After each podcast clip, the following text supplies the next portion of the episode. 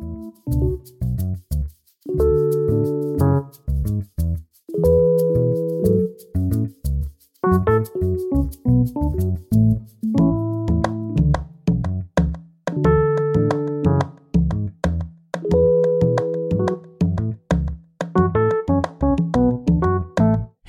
Och eh, varmt välkomna till ett nytt avsnitt av Sinnessjukt, podden där ni får följa en helt vanlig eh, arbetargrabb med mycket liten hjärna som eh, storögt tar sig an den vidunderliga och eh, fascinerande världen där ute. Jag heter Christian Dahlström och är tillbaka från min semester som eh, inleddes med att jag kände mig väldigt trött jag trappade ut det sista av min sertralindos precis innan dess, eh, så kanske var det därför. I övrigt kände jag mig stundtals lite yr ett par dagar efter att jag slutat med medicinen. Jag drömde lite mardrömmar och sådär. Det var lite jobbigt, eh, men ehm, jag parerade detta på ett eh, rätt fiffigt vis tycker jag själv, genom att dricka väldigt mycket starköl istället. Så att det ordnade sig. Nej, förlåt, det där sista var på skoj förstås. Men jag hade ändå tagit antidepp i 11 år, så jag tänkte att eh, det nog skulle vara värre att sluta. Men ehm, jag vet ju att det finns de som får väldigt jobbiga utsättningssymptom. Nog om mig, ni är förstås mest intresserade av Amir Sariaslan och den andra delen av min intervju med honom som ni ska få om ett ögonblick. Där pratar vi om gen-miljökorrelationer, delade miljöfaktorer, ärftlighet för BMI och intelligens, makrofaktorer och det vanskliga med att jämföra olika populationer. Vi pratar om varför boende i storstad antagligen inte påverkar risken för schizofreni, om kopplingen mellan schizofreni, våldsbrott och missbruk, den så kallade P-faktorn och eh, avslutar dagens övning med en expertfråga från barnläkaren Mats Reimer om eh, social mobilitet. Som jag sa förra gången så är detta ett ämne som är komplicerat och eh, svårt att begripa, men eh, det är kanske också en viktig poäng med själva intervjun även om man känner sig dum, eh, att eh, psykiska sjukdomar är komplicerade och eh, att man bör prata och tänka om dem med stor ödmjukhet. Den här andra delen finns tillgänglig för alla, men det är kul att flera av er har tagit steget till Patreon-medlemskap i akt och mening att få lyssna på just den fjärde och sista delen av den här intervjun när den väl släpps. Någon frågade huruvida betalavsnitten eh, dyker upp automatiskt i ens vanliga gratisfeed när man byter till Patreon. Eh, det gör de inte, utan direkt när man blir medlem får man automatiskt en egen unik feed som man lägger in i sin poddspelare. Det hela är mycket enkelt. Jag brukar säga att om du kan knyta skorna själv så klarar du det här med, eh, annars inte. Så det är en bra minnesregel. Man kan dock ha kvar eh, gratisfiden i poddspelaren också om man exempelvis vill avsluta eller pausa medlemskapet eh, så lyssnar man bara vidare gratis efter det. Jag själv gör så med vissa poddar som jag bara betalar för under semestern när jag har tid att lyssna i kapp. Eh, så även om man bara betalar ibland så bidrar man mycket mer än om man alltid lyssnar gratis. Att ha kvar gratisfiden kan för övrigt också vara bra av ett annat skäl, nämligen ifall din betalning till Patreon studsar, vilket i princip alltid beror på att kreditkortets giltighetstid har gått ut. Ehm, så det är ju liksom en säkerhetsmekanism som finns där för din skull så att du inte bara betalar saker utan att ha koll på det. Eh, om man då ser att man fått ett avsnitt i gratisfiden men inte i Patreon-feeden, ja då inser man ju att man måste uppdatera sitt kreditkort på Patreon för att kunna ge mig ännu mer av era pengar. Det är fint. Sätt er nu till rätta så besöker vi återigen psykiatriska institutionen på universitetet i Oxford, belägen på mentalsjukhuset Warnford Hospitals sjukhusområde, där vi träffar geniet Amir Sariaslan. Där vi tar vid intervjun pratar vi fortsatt om Kevin Mitchells bok Innate som ni kan köpa via köplänken i avsnittsbeskrivningen om ni vill så får jag ett par kronor för besväret. Okej, från den 8 maj i år, Amir Sariaslan, varsågoda.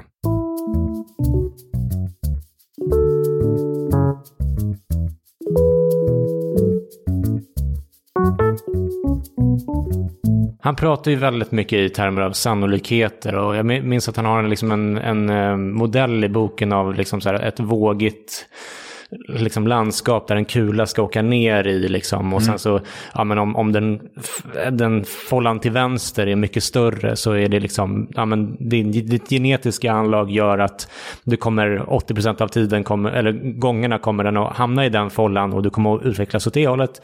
Men i 20% av fallet kommer den hamna i den andra och sen finns det den här genetiska bruset och slumpen som gör att du kan hamna i den här 20% follan ändå. Så att, så att det, det är lite lurigt att man tänker sig att liksom, ja, men väldigt mycket är genetiskt fast det inte är ärftligt på det sättet heller, utan det är liksom en utveckling som kan slumpa sig lite grann, men det betyder inte att det beror på att du eh, exponeras för någon miljöfaktor när du växer upp, utan det kan vara medfött i den bemärkelsen ändå. Ja, alltså äh, bli exponerad för en miljöfaktor äh, händer ju inte av sig självt heller. Nej, och där har vi något som, som vi kallar för äh, genmiljökorrelationer. Mm. Äh, och där så vet vi liksom, dels finns det en passiv typ äh, av genmiljökorrelation. Det är alltså att de miljöexponeringar som du får tidigt i livet, det är ju dina föräldrar mm. som ger dig dem i mm. princip. Så om du växer upp i ett socioekonomiskt marginaliserat bostadsområde så beror det på att dina föräldrar föräldrar bor där mm. med dig. Mm. Uh, så att, men det är inte slumpmässigt att just de bor där. Eh, det är liksom, vi vet ju att eh, det har att göra med vad de har för arbetsmarknadsställning. Eh, vilket i sin tur påverkas av hur väl det har gått för dem i skolan. Vilket i sin tur förklaras av vad de har för olika typer av individdrag. Mm. Allt från kognitiva förmågor till impulsivitet och olika mm. typer av personlighetsdrag. Som är måttligt starkt ärftliga. Mm. Så att dels där så har ju liksom den här exponeringen som de har. Ehm, det, där det förklaras delvis av dina föräldrars eh, gener. Mm. Eh, och där har vi faktiskt ny forskning nu där tidigare har varit fokus på de gener som dina föräldrar överför till dig. Mm. Men i den nyare forskningen då, nyare rönen, så har vi något som kallas för genetic nurture. Eh, alltså, vad ska man kalla det? Eh, ja, genetisk miljö.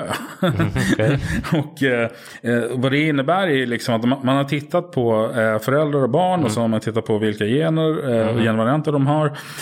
och så tittar man på de genvarianter som är överförda mellan föräldrarna till mm. barnet. Och sen så återstår det ju genvarianter som föräldrarna har. Och de genvarianterna förklarar de här miljöfaktorerna som barnen är exponerade för också. Så det är inte bara de genvarianter som dina föräldrar överför till dig. Utan de har ju även andra genvarianter som förklarar vilken miljö du, får, eh, mm. du blir exponerad för. Mm.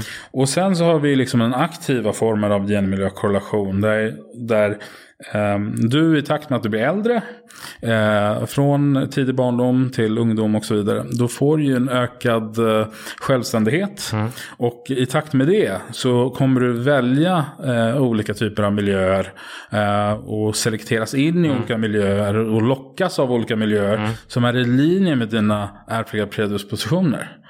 Um, och sen så har vi något som kallas för evokativ genmiljökorrelation. Och det är att uh, människor runt omkring dig, i den omgivande miljön, de kommer reagera på dig uh, i linje med dina ärftliga predispositioner också. Till exempel, uh, vi har ett barn med ADHD. Mm. läraren kommer inte behandla den på samma sätt som andra barn. På grund av att den uppvisar olika typer av symptom Uh, på grund av uh, den neuropsykiatriska funktionsnedsättningen som är i väldigt hög grad ärftlig. Mm. Uh, och, och, det är det som förklarar liksom, reaktionerna. På mm. samma sätt som om du hade Uh, om du var deprimerad mm. så kommer ju din partner behandla dig annorlunda mm. jämfört med om du inte hade Det är också det här som gör att det kan vara svårt att skilja, alltså för vi kommer fråga snart om stressorer i livet som kan uh, utlösa olika liksom, typer av uh, psykisk ohälsa eller reaktioner i stort.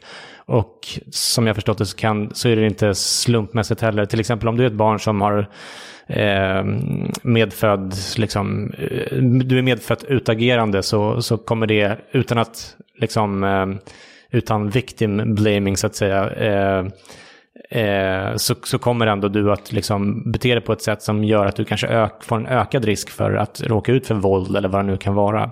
Så att det är ytterligare svårt att förstå och veta. så det, det kan vara en slags indirekt genetik i det också, som jag förstått det. Ja, det finns ganska omfattande forskning nu på olika typer av uh, traumautfall. Uh, där, där vi ser att uh, ärftligheten är i alla fall minst uh, måttlig.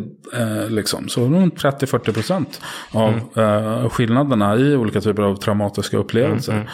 kan tillskrivas ärftliga faktorer. Så att det Eh, det, och det, och det, det, innebär ju samtidigt att eh, om vi ska försöka förstå de här eh, olika erfarenheterna och hur de påverkar olika utfall. Då måste vi ha genetiskt informativa forskningsdesigner för att kunna eh, beakta de genetiska effekterna och isolera eh, den kausala, potentiellt kausala effekten av traumat på utfallet. This podcast is brought to you by eHarmony, the dating app to find someone you can be yourself with. Why doesn't eHarmony allow copy and paste in first messages? Because you are unique and your conversations should reflect that. eHarmony wants you to find someone who will get you. How are you going to know who gets you? If people send you the same generic conversation starters, they message everyone else. Conversations that actually help you get to know each other. Imagine that. Get who gets you on eHarmony. Sign up today. I'm Sandra, and I'm just the professional your small business was looking for. But you didn't hire me because you didn't use LinkedIn jobs. LinkedIn has professionals you can't find anywhere else, including those who aren't actively looking for a new job but might be open to the perfect role, like me. In a given month, over 70% of LinkedIn users don't visit other leading job sites. So if you're not looking on LinkedIn, you'll miss out on great candidates like Sandra. Start hiring professionals like a professional. Post your free job on linkedin.com spoken today. Mm. Det verkar ju som att delade miljöfaktorer, som du var inne på tidigare, eh, det förklarar nästan ingenting vad gäller vem som drabbas av psykiska sjukdomar. Eh, hur vet man att det är så? Ja, kan, alltså, kan, du bara åter, äh, återge igen vad, vad, delade miljöfaktorer innebär? Ja, det är ju samtliga faktorer äh, som gör, äh, i fallet med tvillingdesignen så är det ju samtliga faktorer som gör tvillingarna mer lika varandra vad gäller utfallet som inte förklaras av deras genetik i princip. Och ehm, Ja, alltså det, det, det, där är väldigt komplicerat att, att förklara. Men om jag gör ett försök så det där när man, när man tittar på uh, sådana estimat så, så, så undersöker man ju det liksom på populationsnivå. Mm. Så det är ett genomsnitt av alla de här uh, delade miljöfaktorerna i en population. Uh, och i genomsnitt så behandlar ju föräldrar sina barn ganska mm. hyggligt. Mm. Uh, så att det är ju inte så märkligt att det inte uh, skulle då förklara särskilt mycket. Mm. Så att uh, det, det, betyder ju inte som vissa feltolkar det som ja, det är bara misshandla ungarna hur mycket som helst. Det kommer inte hända någonting. Mm. Utan uh, det, det, det, är ju en helt felaktig tolkning. Det är mm. klart att det kommer spela roll. Men då måste man ju ställa, fråga sig, okay, men vilka är det som känner ett behov av att misshandla sina barn? Eh, de är ju väldigt selekterade på andra mm. sätt. Eh, och vi vet ju att de faktorerna som gör föräldrar mer eh, mottagliga för sådana föreställningar och idéer är ju i betydande grad ärftliga. Mm. Men i den designen så har du redan justerat för de ärftliga faktorerna. Mm. Så att då återstår en väldigt liten del eh, kvar. Sen så är det ju som så att eh, föräldrar behandlar inte sina barn eh, likvärdigt. Eh, så att så det här med barnuppfostran annat som mm. ja, men det spelar ingen roll eh, för ja, många utfall som vissa säger. ja men det beror på hur du har behandlat barnet. Alltså en hel del av barnuppfostran kommer vara likvärdig. det finns ju en hel del överlapp mellan hur man hanterar barn. Men Eh, men man, man behandlar ju dem på lite olika sätt mm. också. Och de skillnaderna skulle ju kunna förklara också. Mm. Men där behövs det ju mer forskning. Men det verkar väl ändå som att man givet alla de här eh, eh, brasklapparna här, som att det inte är särskilt, alltså, alltså, den här förklaringsmodellen, att hur vi är i familjer och andra delade miljö, alltså det är väl typ så skolmiljö och sånt där, alltså att, att man har tänkt sig att det påverkar barn väldigt, väldigt mycket, fast det kanske egentligen inte riktigt gör det. Nej, alltså det, eh, så, så, kan det ju vara. Alltså det, det jag argumenterar ju för är ju att man måste testa det ordentligt. Uh, i, med olika typer av genetiskt informativa designer får man ju titta på specifika typer av miljöpåverkan. Har en kausal effekt, ja eller nej? Vilket mm. är ganska mycket av det jag har uh, undersökt i min forskning. Så att uh, det, det, är klart att man måste göra det. Sen så beror det på vad det är. man har ju till exempel, Ehm, det är ju ganska populärt att ehm, prata om ehm, ja, för, för något som BMI och annat. Det var ju, där genomförde man ganska många eh, sådana adoptionsstudier eh, på, under 80-talet, framförallt i Danmark. Men det, sen har man ju replikerat i andra länder också. Man tittar på korrelationen mellan barnen och adoptivföräldrarna. Eh, alltså, ja, föräldrar, I BMI alltså? Mm. Ja, exakt. I vuxen ålder. Mm.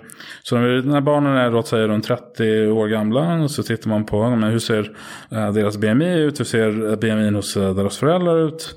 Um, och när man tittar på adoptivföräldrarna som inte delar någon genetik mm. med barnet så säger man att korrelationen är mer eller mindre noll. Mm. Men de har med föräldrarna, de biologiska föräldrarna som de inte växte upp mm. med. Där så finns det ändå en betydande korrelation. Mm.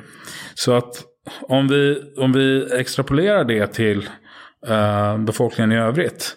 Uh, så, så innebär det liksom att ja, men all den här miljöpåverkan som föräldrarna hade mm. haft när, när barnen väl blev 30 någonting, mm. då spelar det ingen roll. Sen så, kan, sen så finns det ju över, uh, sen så finns det ju även evidens ifrån uh, från tvillingstudier.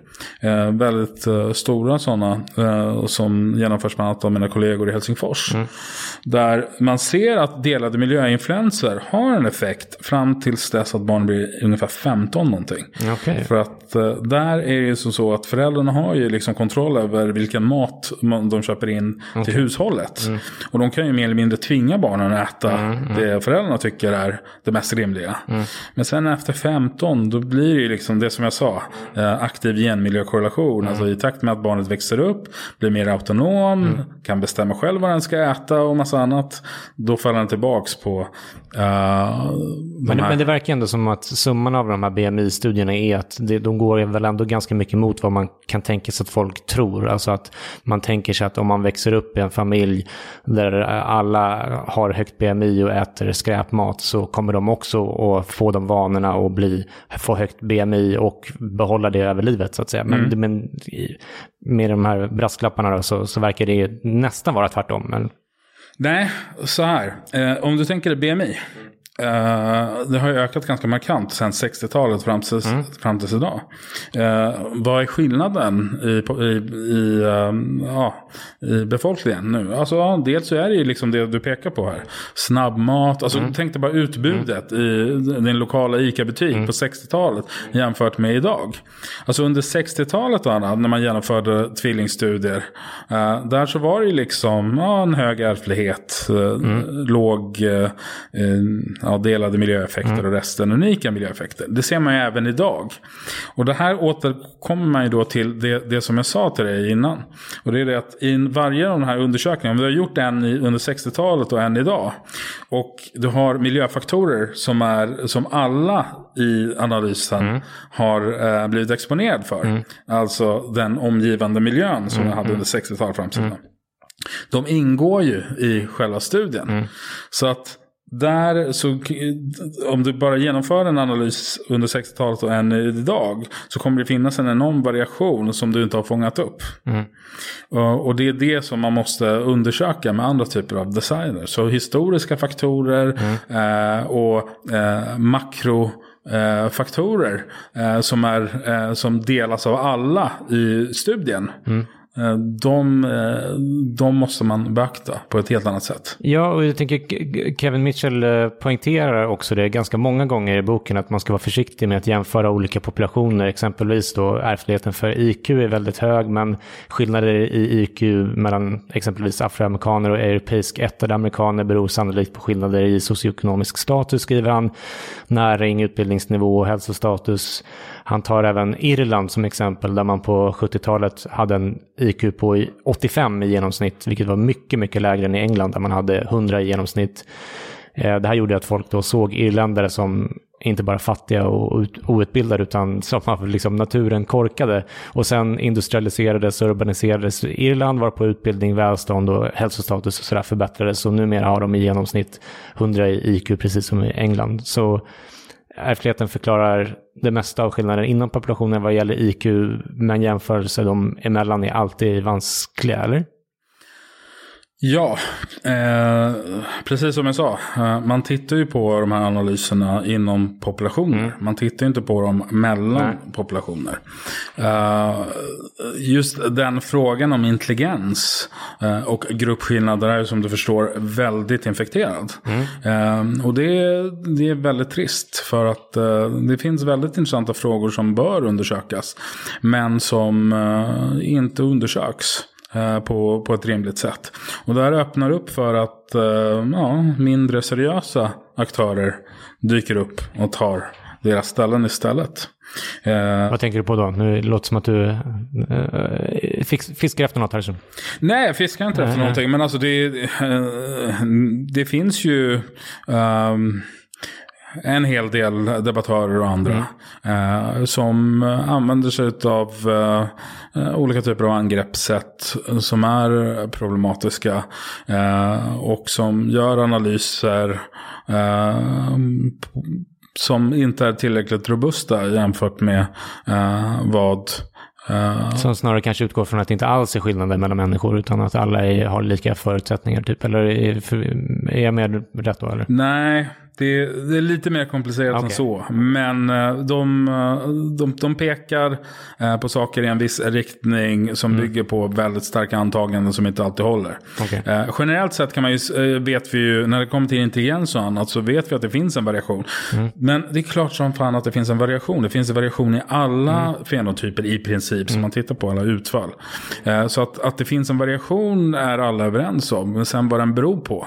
Ja, Kevin argumenterar för att det är socioekonomiska faktorer.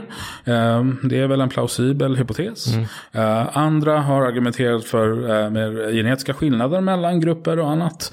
Eh, men inget av dem har ju något stöd egentligen. Alltså, jag menar, Kevin kan ju sitta där och ta upp ett exempel. Mm. Men det finns ju, för varje exempel han har så finns det ju tio motexempel också. Okay. Så att det, det men generellt sett, vi vet inte vad det beror på. Nej. Och det genomförs inte någon ordentlig seriös forskning. Och, och till viss del så beror det på att man knappt får genomföra den typen av forskning. Mm, men du håller med om att det ändå är vanskligt att jämföra populationer om man inte sitter på Ja, det är klart expert. att det är vanskligt. Mm. Det såg vi inte minst under coronakrisen. Mm. Du, eh, vi ska gå tillbaka lite grann och eh, prata lite om schizofreni. Eh, som du minns så ställde du en fråga till Åsa Konradsson Gojken i min intervju med henne angående det här med det. att schizofreni är vanligare i storstäder. Eh, och du tror inte alls att boende i storstäder är en riskfaktor. Hur, hur pass ja, säker är du på det? Inte så starkt sa jag inte. ja, det är så jag uppfattade det. Nu försöker du backa här. Nej, nej. Men berätta, vad är, det, vad är det ni har sett i er forskning? Jo, uh det där var ju eh, en hypotes som jag inte kände till eh, sen innan. Det var ju ungefär mitten av min eh, forskarutbildning. Mm. Så jag fick reda på den här urbanicitetshypotesen. Mm. Eh, och jag tyckte att det lät väldigt egendomligt. Mm. Um, för att, ja, alltså dels kan det ju finnas olika... Alltså, de, de, de argument som lades fram Eh, tänkte jag liksom, det, det, var lite för bra för att vara sant. Eh, alltså att det skulle vara en allmän här, förhöjd stress. Mm, mm. I storstäder. Som skulle göra att barnen uh, utvecklade schizofreni i synnerhet. Om de föddes i en storstad. Mm. Och annat. Så jag ville testa det. Och då hade vi ju uh, svenska registerdata. Och vi kunde räkna ut uh, var folk bodde under uppväxten. Och vad det var för befolkningstäthet i de här olika områdena. Eh, och det var ju i och för sig ingenting nytt i sig. För att det hade ju många andra eh, nordiska forskare också genomfört. Så att eh, den här korrelationen fanns ju. Och sen så tittade vi på kusiner som bodde i olika ställen. Som föddes på olika ställen mm. men upp till 15 års ålder hade flyttat mellan olika ställen. Mm. Uh, och där så såg vi liksom att effekterna minskade ganska rejält. Och uh, kusiner de delar ju bara ungefär 12,5 procent av sina genetiska skillnader. Och i nordisk kontext så delar de ju inte uppväxtmiljön på samma sätt. Så det är väldigt eh, sällan kusiner bor i samma hushåll. Liksom. Det kan vara vanligare på andra håll Ja, och kanter. Mm, mm, mm. Så att, eh, Eh, så att det var ju väldigt märkligt. Så, så genom att vi bara eh, jämförde kusinerna så kunde vi förklara en stor bit av eh, de här korrelationerna med schizofreni och depression. Och eh, sen i nästa steg så gjorde vi samma sak fast eh, med syskon. Som, hade, eh, som antingen föddes på olika platser i landet. Eller som växte upp på olika platser i landet. Alltså där ett, ett, till exempel en familj bor i, på landet och får ett barn och sen så flyttar hela familjen till en storstad och så får de ett till barn. Så att, så att de, barnen är uppväxta en på landet och en i, i stan så att säga. Exakt. Eller så liksom, ja, och sen så kan man ju dra det ytterligare. Liksom, hur såg den genomsnittliga befolkningstätheten ut fram till 15 års ålder? Så då ser man ju lite sånt också. Och vad såg man då? Eh, Då såg man att eh, när man jämförde syskonen som hade växt upp på olika platser eh, så hittade vi inga skillnader dem emellan i deras risker att utveckla vare sig eh, schizofreni eller depression. Och om det skulle, som, skulle vara som så att befolkningstätheten var en kausal riskfaktor Då hade man förväntat sig att det borde... Exakt. Ja, och jag lyssnade ju på eh, det här samtalet du hade med Åsa. Eh, och jag, vill, alltså utifrån ett epidemiologiskt perspektiv, eh, så särskiljer vi ju eh, på riskfaktorer och riskmarkörer. Riskfaktor implicerar kausalitet. Och det är det som vi inte kan påvisa. Eh, det är mycket möjligt att andra inte replikerade fyndet. Eller men alltså det byggde ju på 2,4 miljoner svenskar. Så att det, är, det, är ingen, det, är, det är den största studien, eh, den största kvasexperimentella studien på området. Så att eh, där... där, Så där att det, du, jag tolkar det som att du tror att det är väldigt osannolikt att det finns en sån effekt. Exakt, men jag var inte så pass... eh, alltså jag avfärdade inte helt. För Nej. det finns, eh, det finns alltid en möjlighet att eh, jag får omvärdera det. Men eh, hittills har jag inte haft någon anledning till att ifrågasätta eh, våra resultat. Just det. Eh, och jag vet att du eh, i morse lyssnade på den första delen av eh, Åsa. Conradsson-intervjun och du studsade på någonting kring det här med missbruk och um, våldsamhet och sådär. Vad, vad var det du tyckte var fel? Ready to pop the question and take advantage of 30% off? The jewelers at BlueNile.com have got sparkle down to a science with beautiful lab grown diamonds worthy of your most brilliant moments. Their lab grown diamonds are independently graded and guaranteed identical to natural diamonds, and they're ready to ship to your door. Go to BlueNile.com to get 30% off select lab grown diamonds. That's BlueNile.com for 30% off lab grown diamonds. BlueNile.com. I'm Sandra, and I'm just the professional your small business was looking for. But you didn't hire me because you didn't use LinkedIn jobs. LinkedIn has professionals you can't find anywhere else, including those who aren't actively looking for a new job but might be open to the perfect role, like me. In a given month, over 70% of LinkedIn users don't visit other leading job sites. So if you're not looking on LinkedIn, you'll miss out on great candidates like Sandra. Start hiring professionals like a professional. Post your free job on linkedin.com slash spoken today. Hi, this is Paige from Giggly Squad, and I want to talk to you about Splash Refresher and my water intake. Okay, so you guys obviously know that I'm a hydrated girly, but sometimes when you drink that much water, it starts to just taste bland, and you're just like, I need something to spice it up. That's why I love Splash Refresher. It has zero sugar, zero calories, and it's a splash of sweetness. And they come in five different flavors. They're so good wild berry, acai grape, pineapple mango, lemon, and mandarin orange. My favorite is the wild berry because I just I just love a berry. So if you're like me and you're drinking water all day, then try Splash Refresher. It's going to absolutely change your water game and it's good for you. Där. Ja, nej, alltså. Ja, det, jag kan eventuellt ha fått felaktig uppfattning. Men det kändes eh, när jag eh, lyssnade på det där att eh, ni båda var lite inne på att eh, huvudförklaringen till varför eh, det finns ett samband mellan schizofreni och våldsbrottslighet skulle bero på eh, ja, det vi kallar för komor, komorbid, eh, eller ja, samsjuklig. Ehm, Med missbruk. mi- mi- Mm. missbruksproblematik. Liksom. Eh, och riktigt så enkelt är det ju inte. Eh, och du pekade ju på eh, en studie eh, som publicerades i JAMA 2009. Eh, jag känner ju alla medförfattarna där. Mm. Niklas Långström och kollegor. Ja, exakt. Mm. Niklas Långström, han var ju min bihandledare under forskarutbildningen. Mm. Paul Lichtenstein, han var min huvudhandledare. Sina Fazell är min nuvarande chef och tidigare handledare. Mm. Och eh, Martin Grann, framlidne Martin Grann, jobbade i vår arbetsgrupp. Så jag, jag har haft kontakt med alla eh, dem på ett eller annat sätt. Och den gruppen, anledningen till att jag tar upp dem, det är ju för att eh, de eh, är väldigt betydelsefulla för eh, den epidemiologiska våldsforskningen. För att innan de satte sig tillsammans runt 2004 eller 2003 någon gång och bestämde sig för att koppla samman.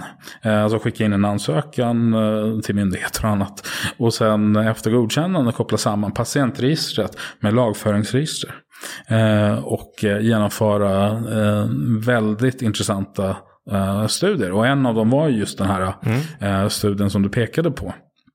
Och, eh, men även där så såg man att det fanns förhöjda risker. Eh, de var inte lika starka eh, för personer med schizofreni som inte hade missbruksproblematik. Att, men om jag inte minns helt fel så var det ungefär en 30% i riskökning ändå i den gruppen. Mm. och det var ungefär en 80% i riskökning för, för de andra. Mm.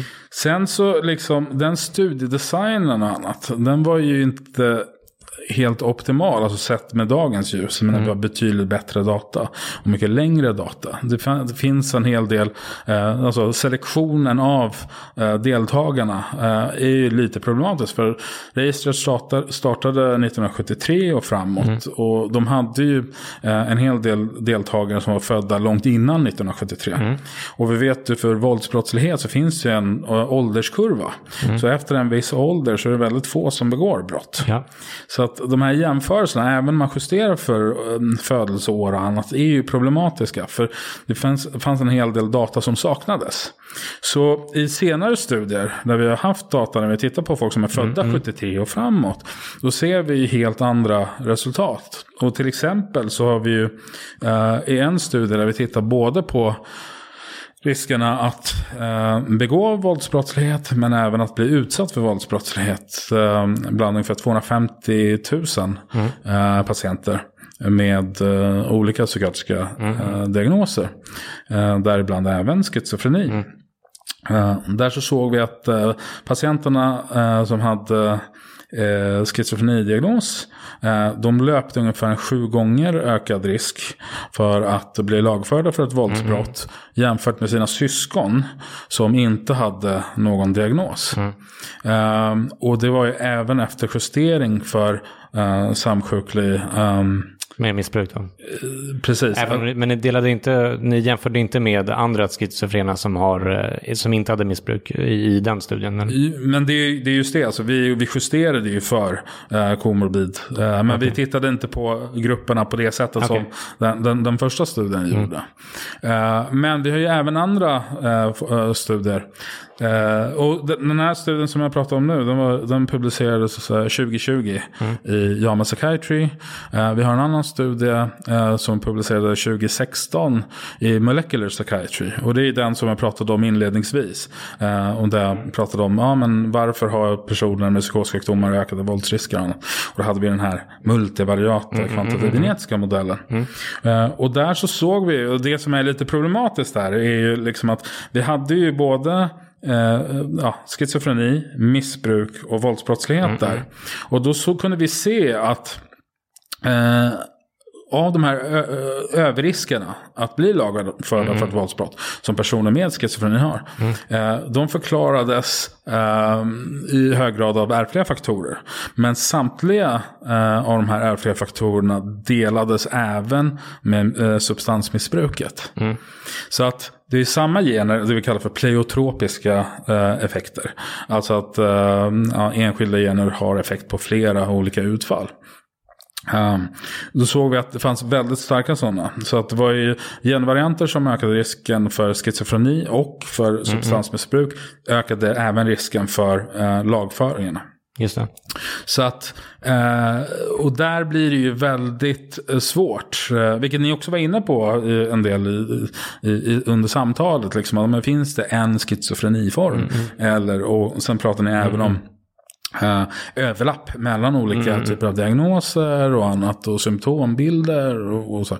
Och missbruks är ju liksom en del av det. Ungefär, uh, det är ju en betydande andel av uh, schizofrenipatienter uh, och patienter med bipolär sjukdom som, uh, som har en missbruksproblematik. Och en hel del beror ju på uh, de här ärftliga faktorerna som delas mellan, uh, mellan de här. Så att särskilja, för, för, för det här argumentet, ja men om man bara har schizofreni och inte har substansmissbruk, ja men det är en del av sjukdomsbilden. Ehm, och sen så kan vi komma in på... Men, det- men å andra sidan, om jag får avbryta det där. Så jag, jag, som jag minns det i den, de studierna som du har gjort, det, så har man väl ändå sett att eh, alltså alkohol och drogförgiftningar kan på något sätt eh, utlösa de här våldsperioderna.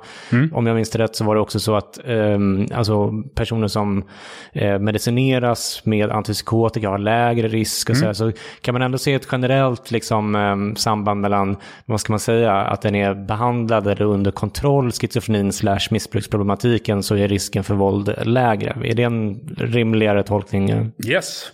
Nej, men det precis. Eh, nej, alltså det, det, det jag vänder mig emot är liksom den här föreställningen av att de är separata. Men vi argumenterar alltid för att vi behöver bättre behandlingar. Vi behöver bättre behandlingar, eh, ja, dels läkemedelsbehandlingar som du är inne på, alltså antipsykotiska läkemedel.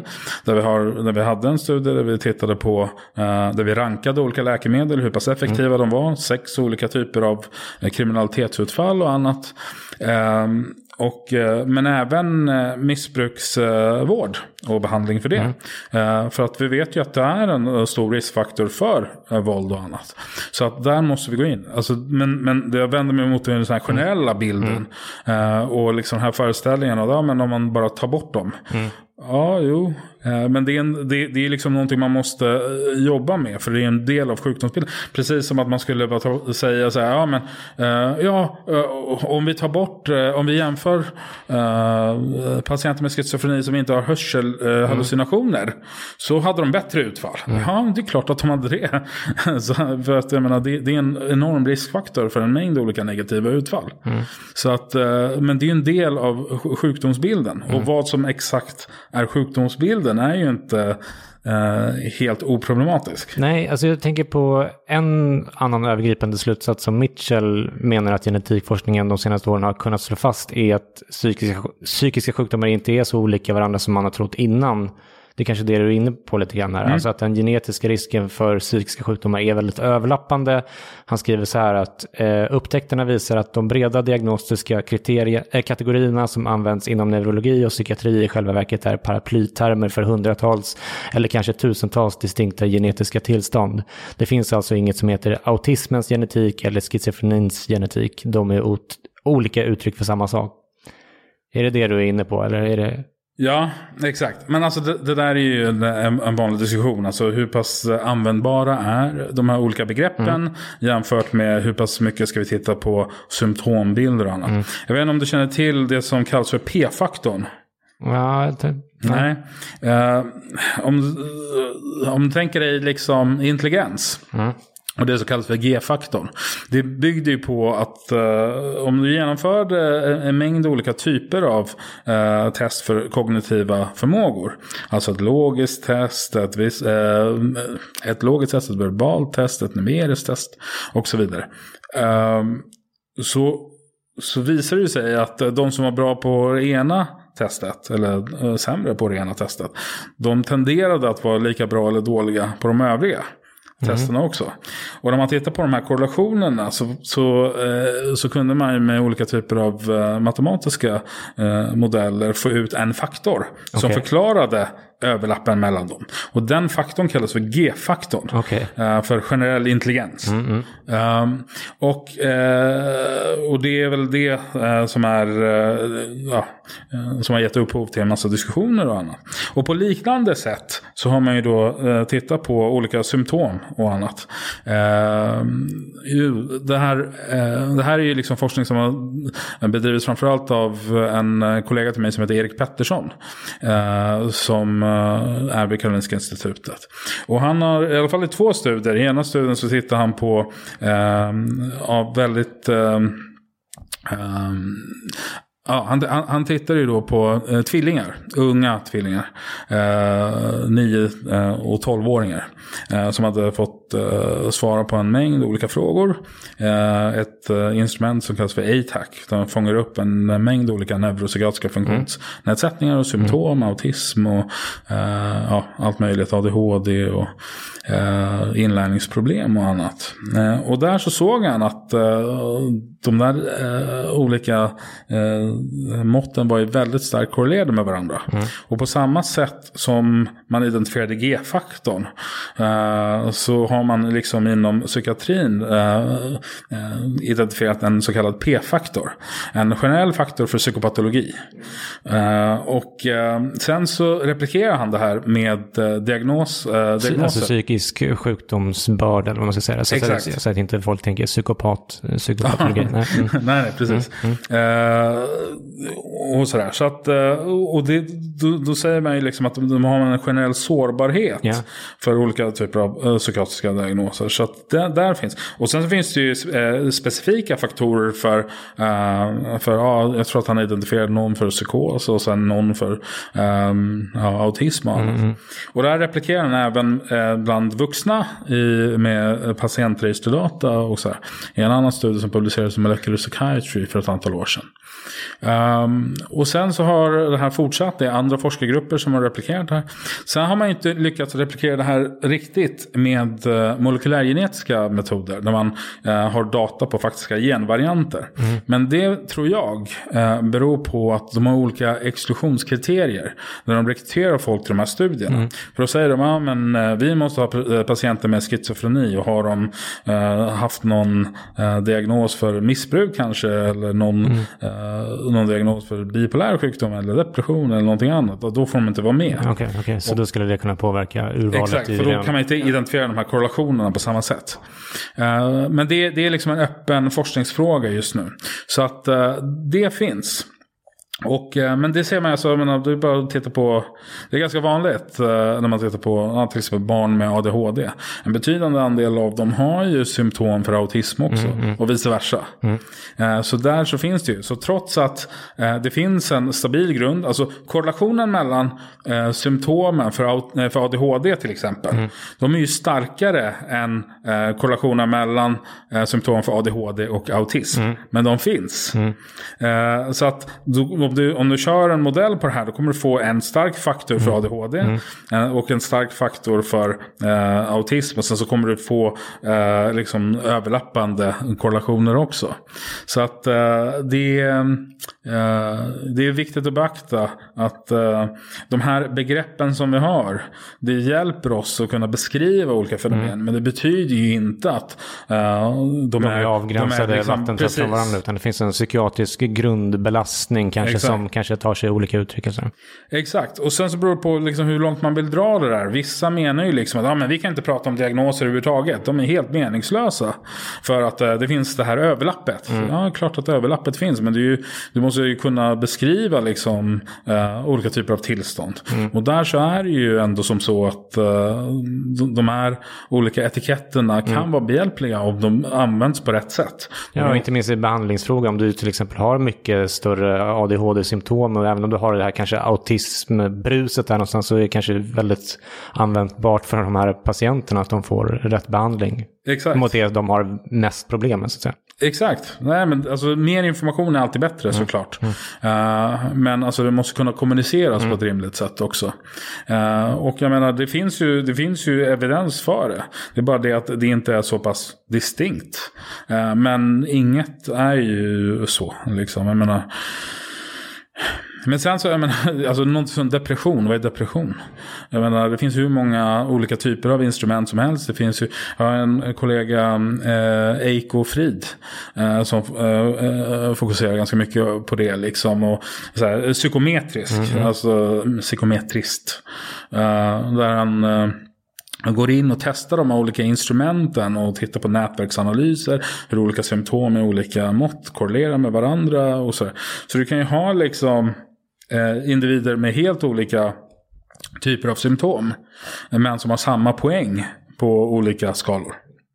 Eller så kan du använda olika skalor som inte är direkt överlappande. Att de inte ens har samma typ av eh, frågor. Mm. Eh, och båda mäter depression. Mm. Så att den är väldigt heterogen. Mm. Och, det, och det har ju till exempel gjort det väldigt mycket svårare för den molekylärgenetiska forskningen att identifiera genvarianter mm, mm. för det. För att det är så pass heterogent. Man talar inte riktigt samma språk? Eller? Nej, alltså det, det, det, det är lite olika saker man mm. fångar upp. Det finns en generell grund såklart. Ja. Jag menar, det är inte, det är inte helt nej, skilda eh, typer av beteenden. Och Men ju mer symptom. man pratar om samma sak, desto lättare Exakt. blir det att identifiera och, det, och det, det, är just det som han argumenterar för. Det är liksom, vi måste bli bättre innan vi går och försöker identifiera biomarkörer och annat. Eh, låt oss eh, sätta oss ner och försöka förstå så här, vad är depression. Mm. Alltså, och hur mäter vi det på ett rimligt sätt. Liksom. Eh, och det är inte det lättaste. Nej.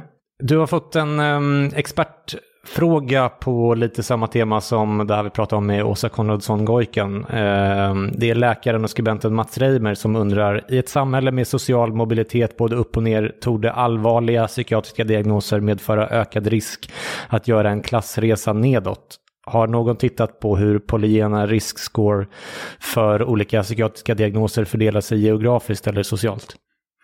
Ja, det är en bra fråga. Först eh, nu när du säger det så, eh, så här, en risk. Beroende på vad man har för ideologisk uppfattning så kan det väl vara önskvärt enligt vissa att eh, man gör en nedåtgående eh, social klassresa. Mm. Men om vi bortser från det och fokuserar på själva huvudfrågan. Polyena risk score. Mm. Det kanske man borde förklara för lyssnarna vad det innebär. Så här, när man genomför eh, molekylärgenetiska studier på, eh, låt säga schizofreni. Då samlar man in data ifrån patienter med schizofrenidiagnos och sen har man eh, en kontrollgrupp med personer som inte har någon diagnos.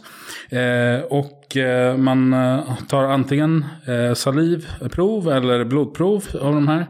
Och man gör en, man läser in de här proverna i en maskin. som, och får då veta vilka genvarianter de har. och hur de här genvarianterna är associerade med schizofreni. Så varje genvariant får ju då, eh, har ju då ett samband med schizofreni mm. och har en effektstorlek. Ja. Och när man sen i ett annat material, eh, Eh, utöver eh, de som varit med i den här studien, externt material, har, samlar in saliv eller blodprovsdata. Då kan man genotypa eh, dem, alltså läsa in dem och veta vilka markörer de har. Eller vilka genvarianter de har. Och i och med att man i den första studien har räknat ut eh, styrkan i de här sambanden. Mm. Då kan man med hjälp av den informationen räkna ut eh, en riskpoäng. Mm. För hur pass eh, eh starkt, eh, alltså vilken risk personen har att uh, utveckla schizofreni genetiskt sett. Alltså hur, må hur många av de här riskgenerna har man? ja, Exakt. Och det är väl 200-300 som är identifierade i förhållande till schizofreni. Mer 300, ja, okay. precis. Mm. Och, men det är ju liksom, ja, och det är de här vanligt uh, förekommande genvarianterna. Mm. Eller enbaspolymorfier som mm. det heter. Eh, som, man genomför, eh, som man har tittat på i de studierna. Sen så finns det mer ovanliga genmutationer, andra som också mm. bidrar till eh, riskerna för schizofreni. Men om vi håller oss till den här första gruppen. Då. Mm. Eh, så de, eh, och, och, och det här riskindexet kallas ibland för en polygenisk score. Poly betyder flera, genisk, gener, eh, score poäng. Så det är det han avser med det begreppet. Eh, och frågan var ju då om man ser geografiska skillnader mellan dem. Eh, så, och där så har, har, jag ju bland annat i en studie där vi tittade på ehm, eh, det som kallas för social drift-teorin. Mm. Och den innebär ju då att Eh, personer med anlag för schizofreni eh, med tiden, även om de växer upp i, eh, i familjehem med en relativt hög socioekonomisk ställning så kommer de på grund av sin sjukdom att över tid göra den här nedåtgående klassresan. Uh, Flytta från Djursholm till Rinkeby eller liksom. Exakt, men det beror ju då på själva sjukdomen. Uh, och det går ju emot uh, de här andra uh, hypoteserna om social causation. alltså att det är liksom den socioekonomiska statusen som orsakar schizofreni mm, snarare. Mm. Ehm, men som sagt, vi tittade på eh, social drift-teorin eh, på tre olika sätt. Eh, dels så tittade vi på, på populationsnivå. så jämförde vi ehm, hel och halvsyskon. där de hade en schizofrenidiagnos upp till 30 års ålder. Och sen så tittade vi på huruvida de hade, om de bodde i ett socioekonomiskt utsatt bostadsområde fram tills dess att de var 35 år gamla. Och eh, där så, eh, i och med att eh, vi hade olika eh, genetiska eh, korrelationer och olika miljömässiga korrelationer, då kunde vi titta på eh, hur pass mycket av sambandet som kunde förklaras av ärftliga faktorer också. Och där så såg vi att eh, det var en relativt eh, svag till måttlig samband mellan eh, schizofrenidiagnos och att bo i ett utsatt socioekonomiskt, socioekonomiskt utsatt bostadsområde. Mm. Och det är väl ganska rimligt med mm. tanke på att det inte det är knappast så att alla schizofrenipatienter bor i de mest utsatta bostadsområdena. Eh, så att det var ju rimligt i sig. Men vi såg att eh, överriskerna förklarades nästan helt av överlappande genetiska riskfaktorer. Alltså att de eh, genetiska faktorer som ökade sannolikheten för att utveckla schizofreni förklarade också överriskerna att bosätta sig i ett utsatt bostadsområde. Vi eh, replikerade det här i ett material med yngre tvillingar. Eh, där vi hade föräldrarapporter eh, om hörselhallucinationer när barnen var små. Mm. och ja, var de bodde någonstans senare när de var runt 25-årsåldern. Och där såg vi samma sak. Alltså att det var ganska svagt och måttligt samband. Men att eh, sambandet förklarades eh, nästan helt av överlappande genetiska influenser. Och slutligen så hade vi en del där vi bland äldre svenska tvillingar eh, som var genotypade, så vi hade deras genetiska data. Där räknade vi ut eh, riskpoäng, polygena riskpoäng eh, för schizofreni. Och där så såg vi att det fanns ett samband mellan deras eh, riskpoäng för schizofreni och eh, nivån då på utsattheten av deras bostadsområde som de, som de bodde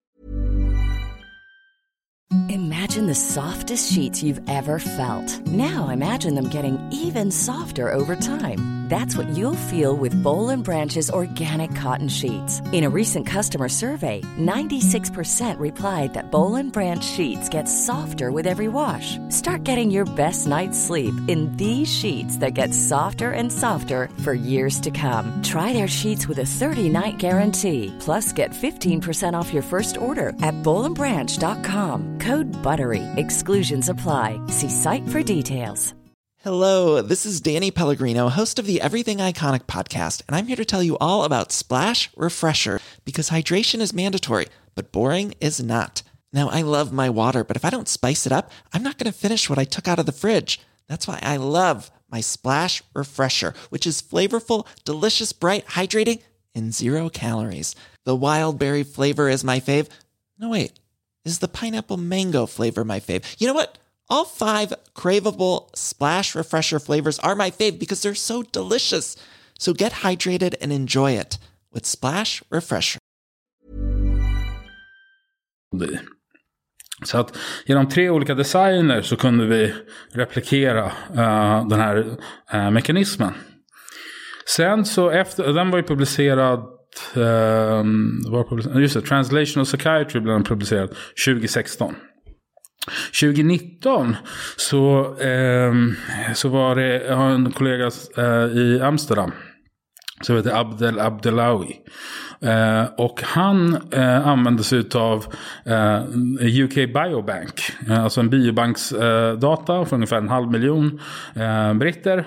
Ehm, där man också har eh, genotypat dem. Så man har deras genetiska information. Och eh, han har gjort, där gjorde han väldigt intressanta geografiska analyser. Eh, för en mängd olika typer av utfall och riskpoäng och annat. väldigt spännande analyser framförallt av, av socioekonomiska utfall.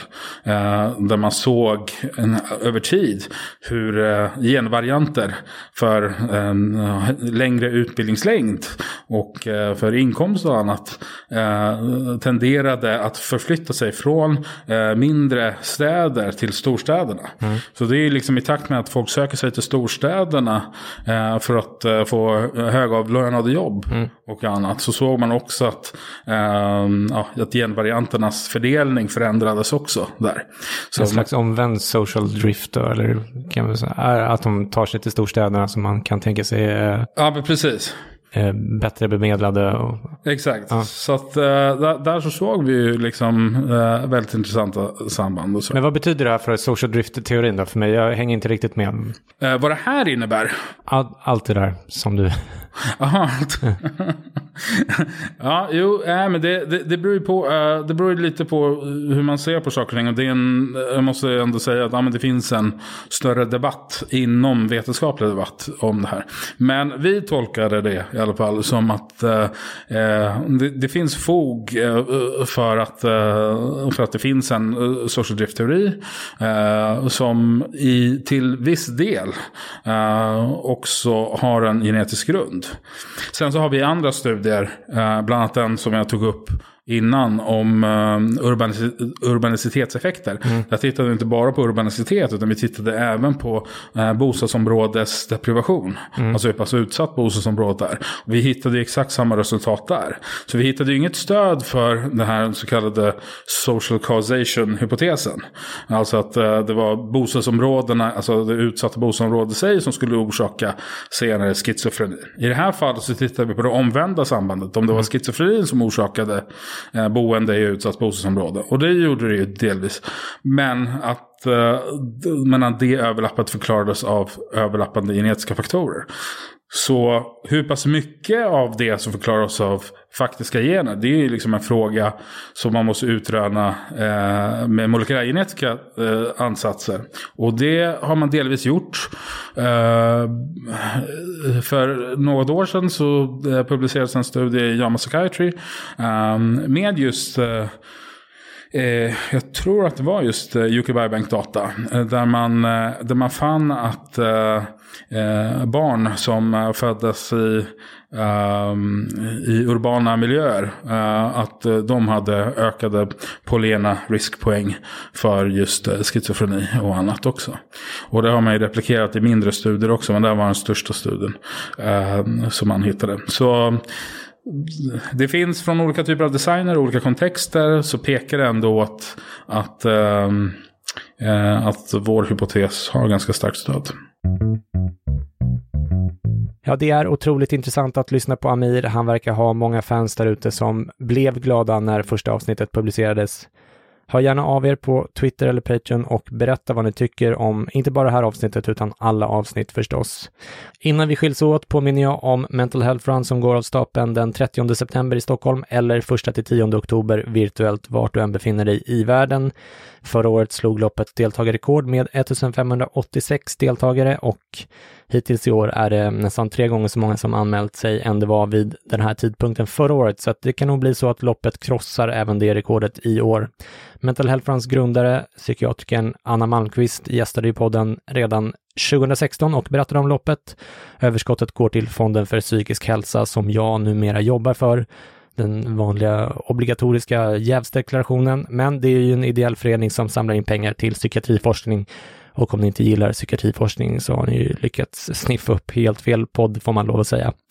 Loppet är verkligen en folkfest och eh, den utgör också en chans för er att få håna mig helt öppet inför andra människor istället för att eh, göra det online som eh, många av er eh, förstås redan gör. Eh, så det är ju en, eh, en extra krydda. Eh, mentalhealthfront.se för anmälan. Okej, nästa avsnitt av Amir-intervjun kommer inom kort och där pratar vi om att ärftligheten för hur vi är och beter oss är större än man tidigare trott. Vi pratar om hur mycket uppfostran egentligen kan påverka våra barn, vad unika miljöfaktorer betyder och vilka av dem som ökar risken för psykisk sjukdom, vikten av statistisk styrka och varför många forskningsfynd inte är tillförlitliga och mycket mer. Tills dess hoppas jag att ni tar hand om varandra där ute. Puss och kram. Hej då!